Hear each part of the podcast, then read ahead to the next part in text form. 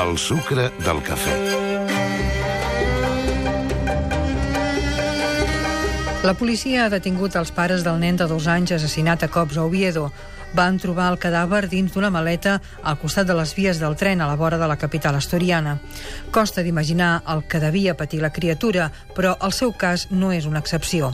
Les xifres oficials diuen que cada any moren 34.000 menors de 15 anys per homicidi a tot el món, però l'Organització Mundial de la Salut creu que n'hi ha molts més, i és que bona part de morts per maltractament infantil s'atribueixen erròniament a caigudes, cremades, ofegament i altres causes.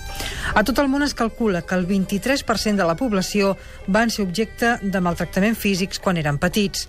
El 20% de les dones i entre el 5 i el 10% dels homes van patir abusos sexuals.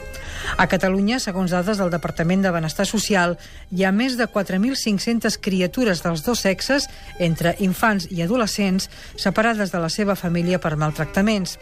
La majoria ho són per negligències, però també n'hi ha per maltractament psíquic i emocional, maltractament físic, maltractament prenatal, abandonament, abús sexual i explotació laboral delictiva o sexual.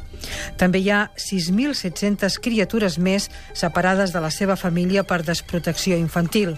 En total, doncs, l'administració tutela prop de 12.000 criatures en situació de vulnerabilitat però fora del sistema n'hi deu haver moltes més.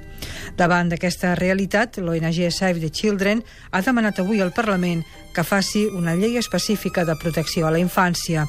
La qualitat democràtica també es mesura per la protecció que una societat presta als més vulnerables, als més desvalguts, i els infants segur que ho són.